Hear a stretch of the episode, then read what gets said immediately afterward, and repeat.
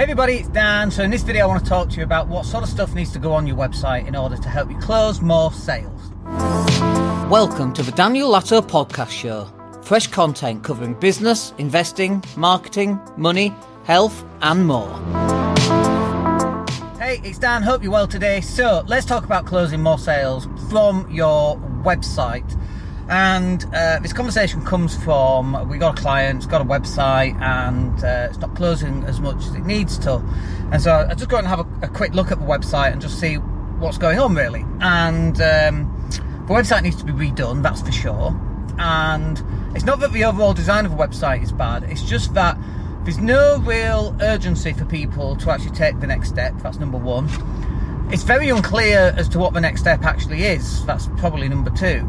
And then number three, uh, they have stuff that's uh, above the fold, uh, which needs to be below the fold, and they've got stuff that's below the fold that needs to be above the fold. So what does that mean? So if you've got stuff above the fold, what it means is, do you remember in the olden days in newspapers, and you would have um, above the fold where the newspaper sat on a rack and then it's folded in half?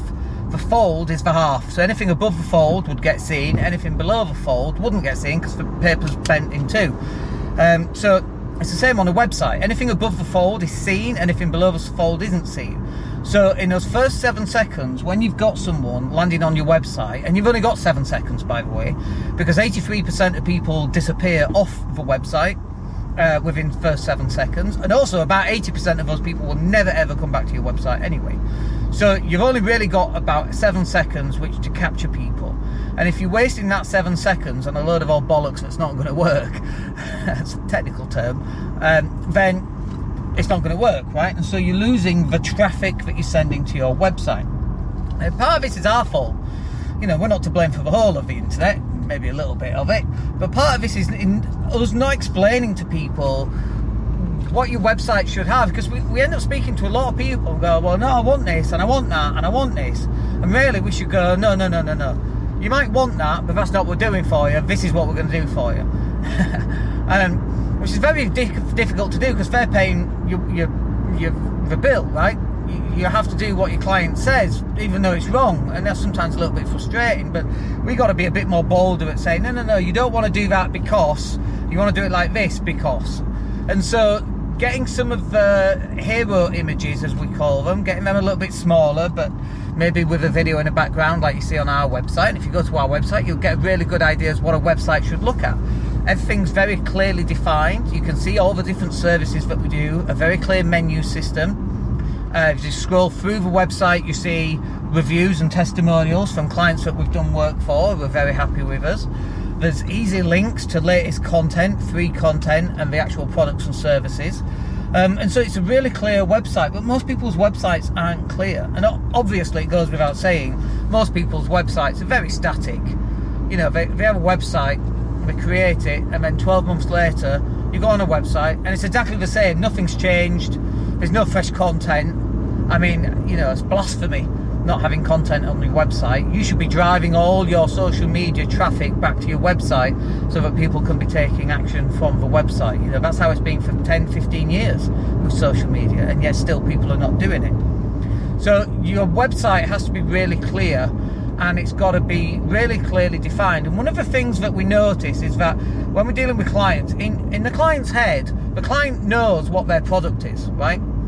And we can sense this. They're kind of like uh, confused as why we don't know what their product is. And the reason why we don't know what their product is is because they've given us a load of content that doesn't actually tell us what their product is. And I know that sounds really confusing, and that's because it is.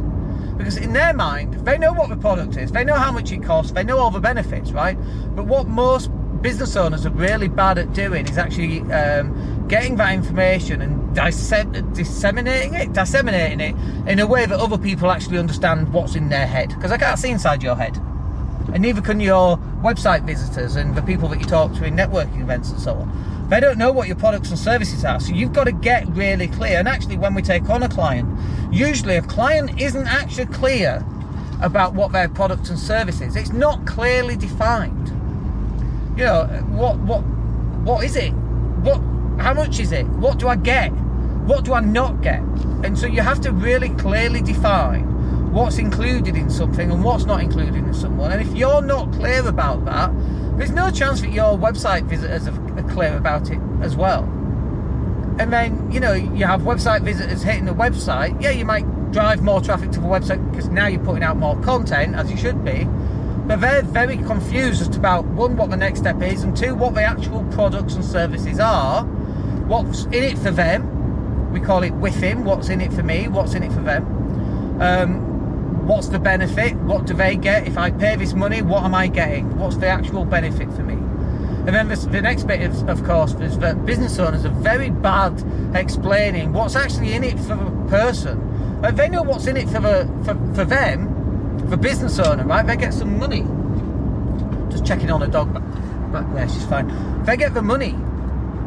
But what's in it for the actual customer? And a lot of website owners or business owners are not actually clear about what's in it for the end user. And if you can spend more time working on what is the actual benefit to the end user and writing about that, that's going to do you a lot more than you you working out what's in it for you and writing about you know what's in it for you really. If you can get really clear about what's in it for your end user. So let's just say on website design, let's just say super fast hosting. What what does that even mean? And do, do normal people even understand what super fast hosting means, for example? So then you need a paragraph talking about why you need super fast hosting and why it's important, why Google Analytics will help or not help based on how fast your speed is, how Google works. Then you might want to talk about uh, backing up every day. And, and, you know, a lot of people on their website, they go, oh, I don't, I don't need backups. Like we just got a client whose website went down and we, came to us say our website's gone down, hosted with us. Uh, we went to it, we restored yesterday's backup. Like that. That's how important backups are. Like that's a nice little story that needs to go into that section. Like, and then when you're talking about um, what content can you do, can you get a whole couple of paragraphs about backups? Yes. Can you get a whole couple of paragraphs about super fast hosting? Yes. What else are the features and benefits of your products or service? Then can you write content about each one of those and make it accessible on your website and share it on social media so then it drives traffic back.